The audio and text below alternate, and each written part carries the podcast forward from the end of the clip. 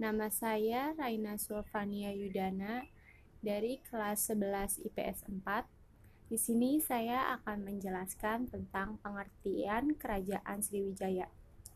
Kerajaan Sriwijaya adalah salah satu kemaharajaan bahari yang pernah berdiri di Pulau Sumatera dan banyak memberi pengaruh di Nusantara dengan daerah kekuasaan berdasarkan peta membentang dari Kamboja, Thailand, Semenanjung Malaya, Sumatera, Jawa Barat, dan kemungkinan Jawa Tengah.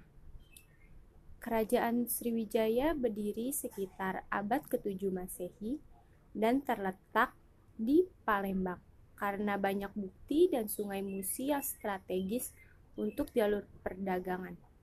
Asal nama Sriwijaya, Sri artinya cahaya dan Wijaya kemenangan. Berarti Sriwijaya adalah kemenangan yang gemilang.